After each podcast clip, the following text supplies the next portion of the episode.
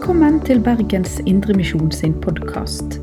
For mer informasjon om oss, besøk oss på betlehem.no, eller finn oss på Facebook og Instagram der som Bergens Indremisjon.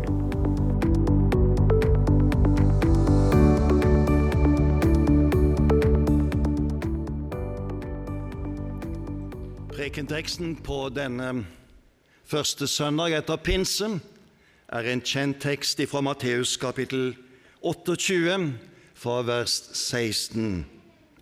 Vi leser Jesu navn. Men de elleve disiplene dro til Galilea, til fjellet der Jesus hadde sagt han ville møte dem. Og da de fikk se ham, falt de ned og tilba ham. Men noen tvilte. Da trådte Jesus frem og talte til dem. Jeg har fått mak all makt i himmel og på jorden. Gå derfor ut og gjør alle folkeslag til disipler. Døp dem til Faderens og Sønnens og Den hellige ånds navn, og lær dem å holde alt det jeg har befalt dere. Og se, jeg er med dere alle dager inntil verdens ende. Teksten vi har lest, har du helt sikkert hørt mange ganger før. Det tilhører noen tekster som vi kaller Jesu avskjedstaler. Og Disse finnes i alle evangeliene. Og det finnes i begynnelsen av apostelens gjerninger, slik at de står der sterkt som en avslutning på samværet mellom Jesus og hans disipler. Og kanskje den mest kjente av disse tekstene er nettopp den vi har lest i sammen. Og den har gjerne flere overskrifter som sier noe om tekstens innhold. Den kalles Jesu misjonsbefaling, men den kan også kalles Jesu dåpsbefaling eller Jesu opplæringsbefaling. Alle disse tre uttrykkene sier noe sentralt og viktig ved denne teksten. Det som vi leser om her, som skjedde i Galilea, det fant sted mellom Jesu oppstandelse og hans himmelfart. Men teksten er altså satt opp på første søndag etter pinse. Og det er i pinsens lys at også denne teksten må leses og tas inn over oss. Det er pinsens åndsutgytelse som danner bakteppet for det som sies også denne gangen. Nå skal jeg ikke stanse for alle sider ved denne teksten og det oppdraget som de fikk, som er det oppdraget enhver lokalmenighet har i dag, og som vil være Kirkens oppdrag inntil enden kommer. Det jeg skal konsentrere meg om, det er å si noe om disiplene som fikk oppdraget. Og På den bakgrunn skal vi også trekke noen linjer fremover mot vår egen tid og vår egen situasjon. Teksten sier det var elleve disipler som møtte opp der i Galilea. Judas var ikke med, så de var elleve igjen i denne situasjonen. Og de hadde fulgt Jesus i tre og et halvt år, helt fra han startet sin offentlige virksomhet og til det som skjedde i påsken ved hans død og oppstandelse. Disse elleve kalles disipler. Det er den første identitetsbeskrivelse som brukes om de som fulgte Jesus. Ordet 'kristen', som vi er vant til å bruke, det kom i bruk noe senere, hører vi i apostelens gjerninger, det ble tatt i bruk i en syrisk by som het Antiokian. Det var en by med en flerkulturell og fleretnisk befolkning der bodde det romere, grekere, syrere og jøder. Men så oppdager man at det var noen som var Jesu disipler, og som bekjente at denne Jesus var Kristus, den salvede Messias. Og slik fikk de navnet de kristne. En disippel er en som er i lære. Det er en lærling, en læresvein på nynorsk. Og I evangeliene møter vi ofte denne tittelen på Jesus, 'Mester', som betyr lærer. Og Samtidig skilte Jesus seg ut ifra alle andre lærere i sin samtid. Det var ingen som talte med en slik myndighet som han. Det var ingen som kunne gjøre de under som han gjorde. Og endatil møter vi ham i situasjoner hvor han tilgir mennesker dets synd, noe bare Gud selv kunne gjøre. Folk merker dette. Og det mest dramatiske og radikale var nok når han tilgav synder. Motstanderne utnytter dette mot Jesus og sa at han spotter Gud. Men han var den enestående som steg frem på denne måten. Å bli en læresvein eller lærling av Jesus var spesielt. Og Det kommer til uttrykk på flere måter i evangeliene. Det var ikke disiplene som valgte Jesus. Men det var Jesus som valgte dem og kalte dem. Og for å komme inn i dette disippelskapet måtte de bryte opp det måtte en omvendelse til. Hele deres orientering måtte bli ny. Og Derfor stiger de inn i et fellesskap med Jesus, hvor de følger han på hans vandring for å se, for å høre, for å lære, for å bli stansatt til det som var deres oppdrag etter død, Jesu døde oppstandelse. I dette fellesskapet med Jesus formes der en identitet. Og denne identiteten kommer til uttrykk i deres tilhørighet til Jesus. Og den kommer til uttrykk i den, deres bekjennelse til hvem Jesus var, og hvem han er. Da Jesus opplevde at mange av de som fulgte ham, begynte å forlate ham fordi de tålte ikke det han talte. Så står Jesus i sammen med disse disiplene sine, og så spør han vil også dere gå bort. Da er det at Peter svarer, Hvem skal vi gå til? Du har det evige livs ord, og vi tror og vet at du er Guds hellige. Og ved en annen anledning, litt senere i vandringen sammen med Jesus, så spør Jesus dem hvem, hvem sier folket at menneskesønnen er. Og så nevner de de forskjellige ryktene som går, og oppfatningene som er der. Og Så vender Jesus seg til disiplene og spør, 'Hvem sier dere at jeg er?' Og Det er da Peter stiger frem og sier, 'Du er Messias, den levende Guds sønn'. Disiplene har brutt opp. De har fulgt Jesus, og i hans nærvær blir en ny identitet og bekjennelse skapt. En disippel i dag har den samme identitet. I sin tilhørighet til Jesus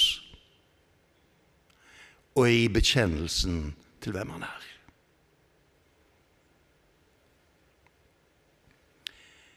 Disiplene møter altså Jesus i Galilea. De møter han fordi at Jesus har sagt at 'der vil jeg møte dere'. På ditt ord er de altså da kommet, disse disiplene. Og Vi hører i Matteusevangeliet ved to anledninger at Jesus repeterer dette med at han vil møte dem i Galilea. Slik sier han det under påskemåltidet, da han forbereder dem på at dette er siste påskefeiringen vi har sammen. Men jeg skal møte dere i Galilea. Og for å minne disiplene om det enda en gang, så sier han det samme til kvinnene som kom ut til graven påskedag.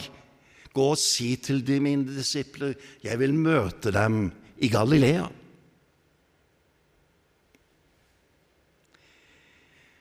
Dette er eneste stedet i evangeliene hvor Jesus helt klart uttrykker at der vil jeg møte dere. De andre gangene Jesus møter disiplene, så tar han på en måte initiativet selv og møter de overraskende. Men dette møtet er et planlagt møte hvor disiplenes tro og lydighet mot ham settes på prøve. Han har kalt dem til et møte. For å komme dit må de bevege seg helt nord i Galilea for å møte ham der på fjellet, som det står. Dette har et budskap også til oss. Hvor møter vi Jesus? Hvor har han kalt oss til møte med seg?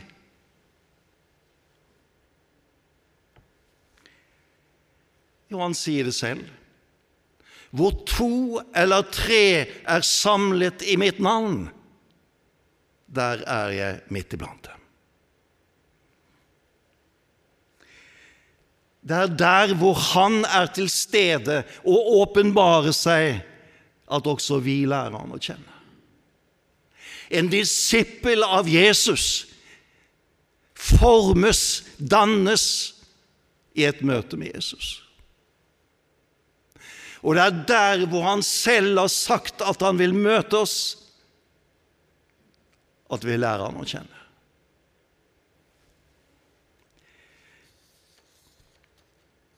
Riktignok kan vi møte Jesus i vårt lønnkammer, i vår bibellesning, i lesningen av oppbyggelige bøker, men det kan aldri erstatte menighetsfellesskapet.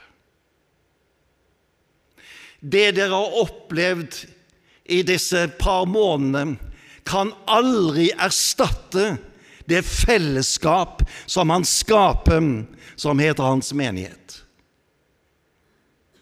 For det er i dette nærvær mellom oss at han også utruster oss, og det fellesskapet er med på å bære oss. Jesus er til stede med en fylde av gaver og tjenester i sin menighet.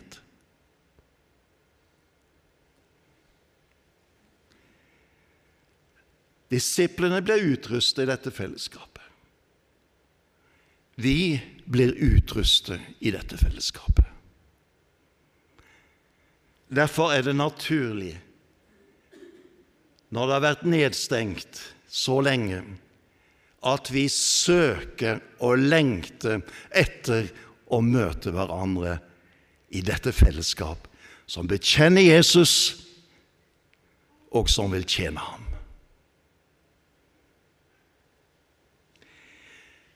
Elleve disipler sier teksten. Og de disiplene som sto der, var forskjellige. Det var riktignok to brødrepar. Jakob og Johannes og Peter og Andreas. Men de var ikke eneggede tvillinger. De var forskjellige, og alle var av forskjellig alder, livserfaring og karaktertrekk. Møtet med Jesus hadde ikke gjort dem til kopier av hverandre. Det var i denne forskjellighet med hver sin personlighet og erfaring at de lukkes inn i dette disippelskapet sammen med Jesus og settes til tjeneste. Enheten mellom disse, på tross av forskjellene, er møtet med Jesus. Det er han som skaper enheten. Og det er oppdraget som de fikk, og som er vårt oppdrag også i dag.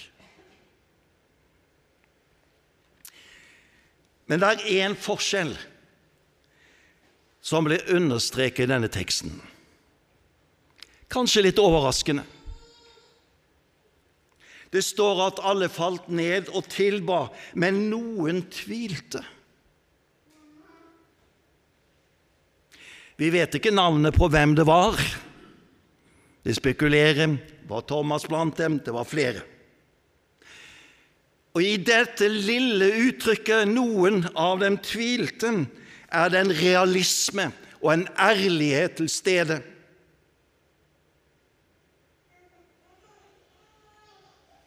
Noen av disiplene hadde vanskeligheter med å gripe det de nå opplevde, og helt å forstå hva var det for noe. Men de skjæres ikke bort ifra fortellingen, som kanskje vi hadde gjort.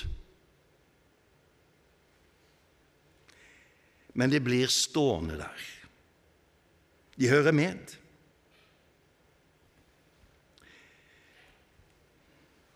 Jeg tror kanskje enhver av oss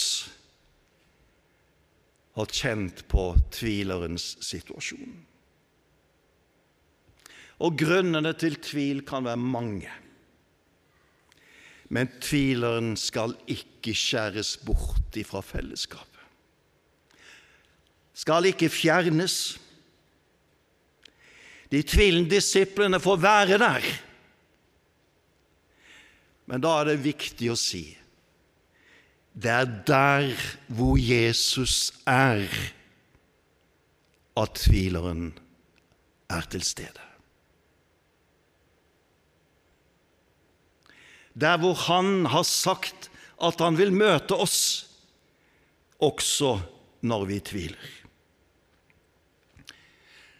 Isolerer tvileren seg, trekker seg unna, så gjør han det vanskelig for seg selv. For det er i møte med Jesus at tvileren hører hjemme. Det er i møte med ham at disippelidentiteten formes og utrustning til tjeneste finner sted, også for den som tviler.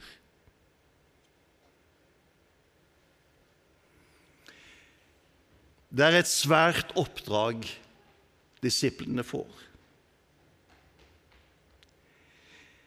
Men før de får vite hva oppdraget går ut på, så presenterer Jesus seg selv. Han trådte frem og talte til dem. Jeg har fått all makt i himmelen og på jorden.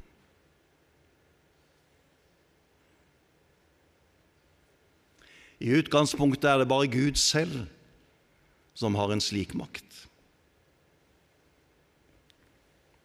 Men nå sier altså Jesus denne guddommelige makt er også min. Han har fått den. Gjennom vandringen med Jesus hadde disiplene fått noen glimt av den guddommelige makt. De merka det når han talte.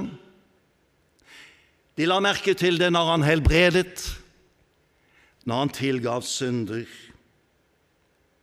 Det var noe guddommelig over ham, som bare Gud kunne gjøre. Men så falt alt sammen da Jesus ble arrestert, forhørt og drept. Det de ikke forsto, var at korsdøden skulle være seiersstedet.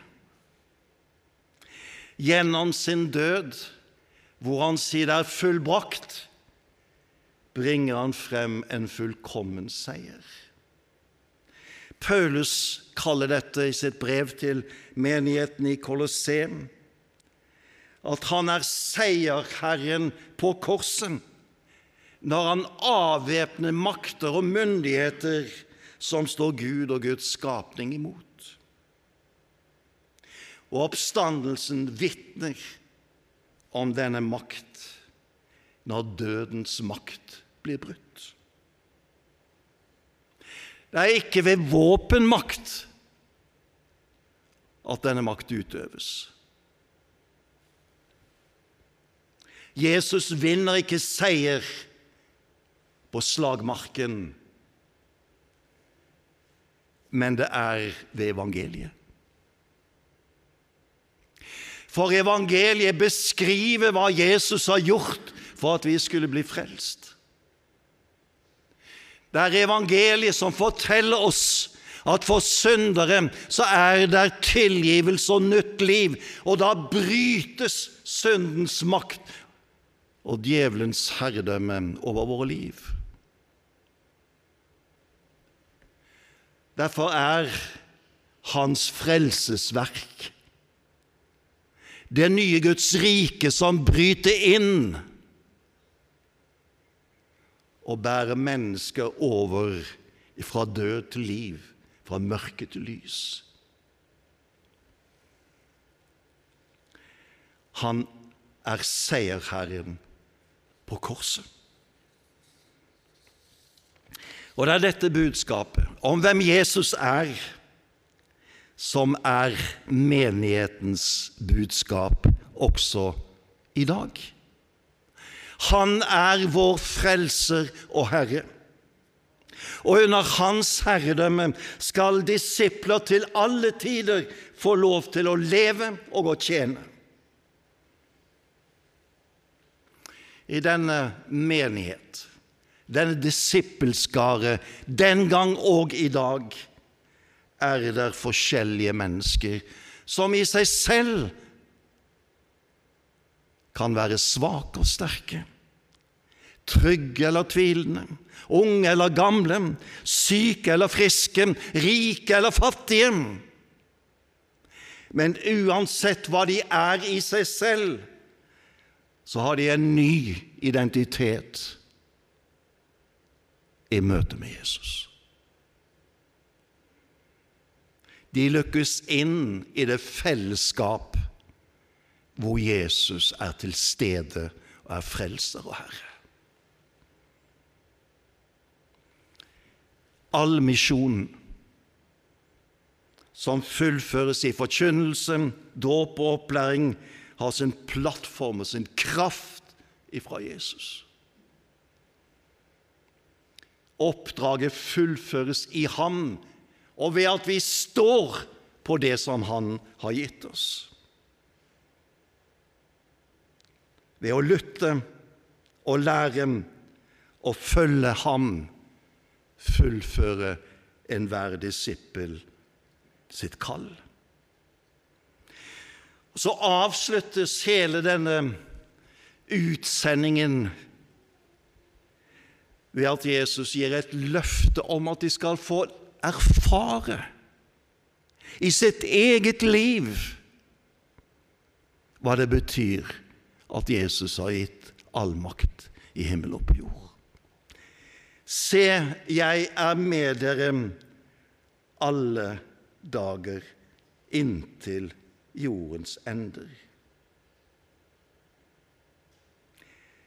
Det er den oppstandende, levende Jesus Kristus som gir sitt løfte. Nærhet og fellesskap med Han fortsetter utover det nærværet han hadde i Israel for 2000 år siden. Men dette nærværet får altså da en ny dimensjon ved det at det er den levende, oppstandende frelser som kommer, og som gjør at dette nærværet er grensesprengende. Uansett hvor disiplene beveger seg i verden, blant folkeslag, språkgrupper, nasjoner, folkeslag, så sier Jesus, 'Jeg er der'. Jeg er der i ditt liv.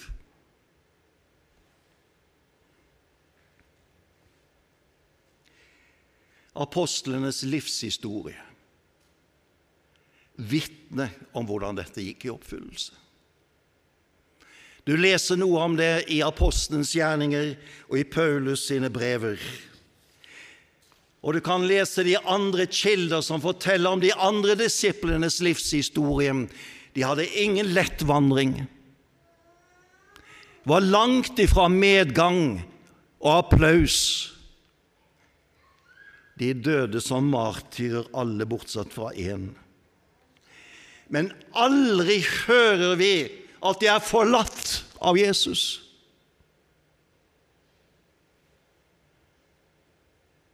Denne historien om Jesu nærvær fortsetter også i dag. Misjon, dåp og opplæring som skjer i samsvar med Guds kall og Guds ord, der er Jesus til stede. Det er når oppdraget bygges ned, glemmes, forsømmes eller forvrenges, at Kristus blir borte, og hans nærvær forsvinner ut. Derfor ber vi bevare oss i din nærhet, så vi fullfører ditt oppdrag også i dag. Herre Jesus, vi ber om at det må skje med alle vi som er samla her, alle som hører på, og som vil være blant dine disipler. La dem merke ditt nærvær i medgang og motgang, i troskap mot deg. Det ber vi om. Amen. Du har lytta til Bergens Indremisjon sin podkast. For mer informasjon om oss, besøk oss på betlehem.no, eller finn oss på Facebook og Instagram der som Bergens Indremisjon.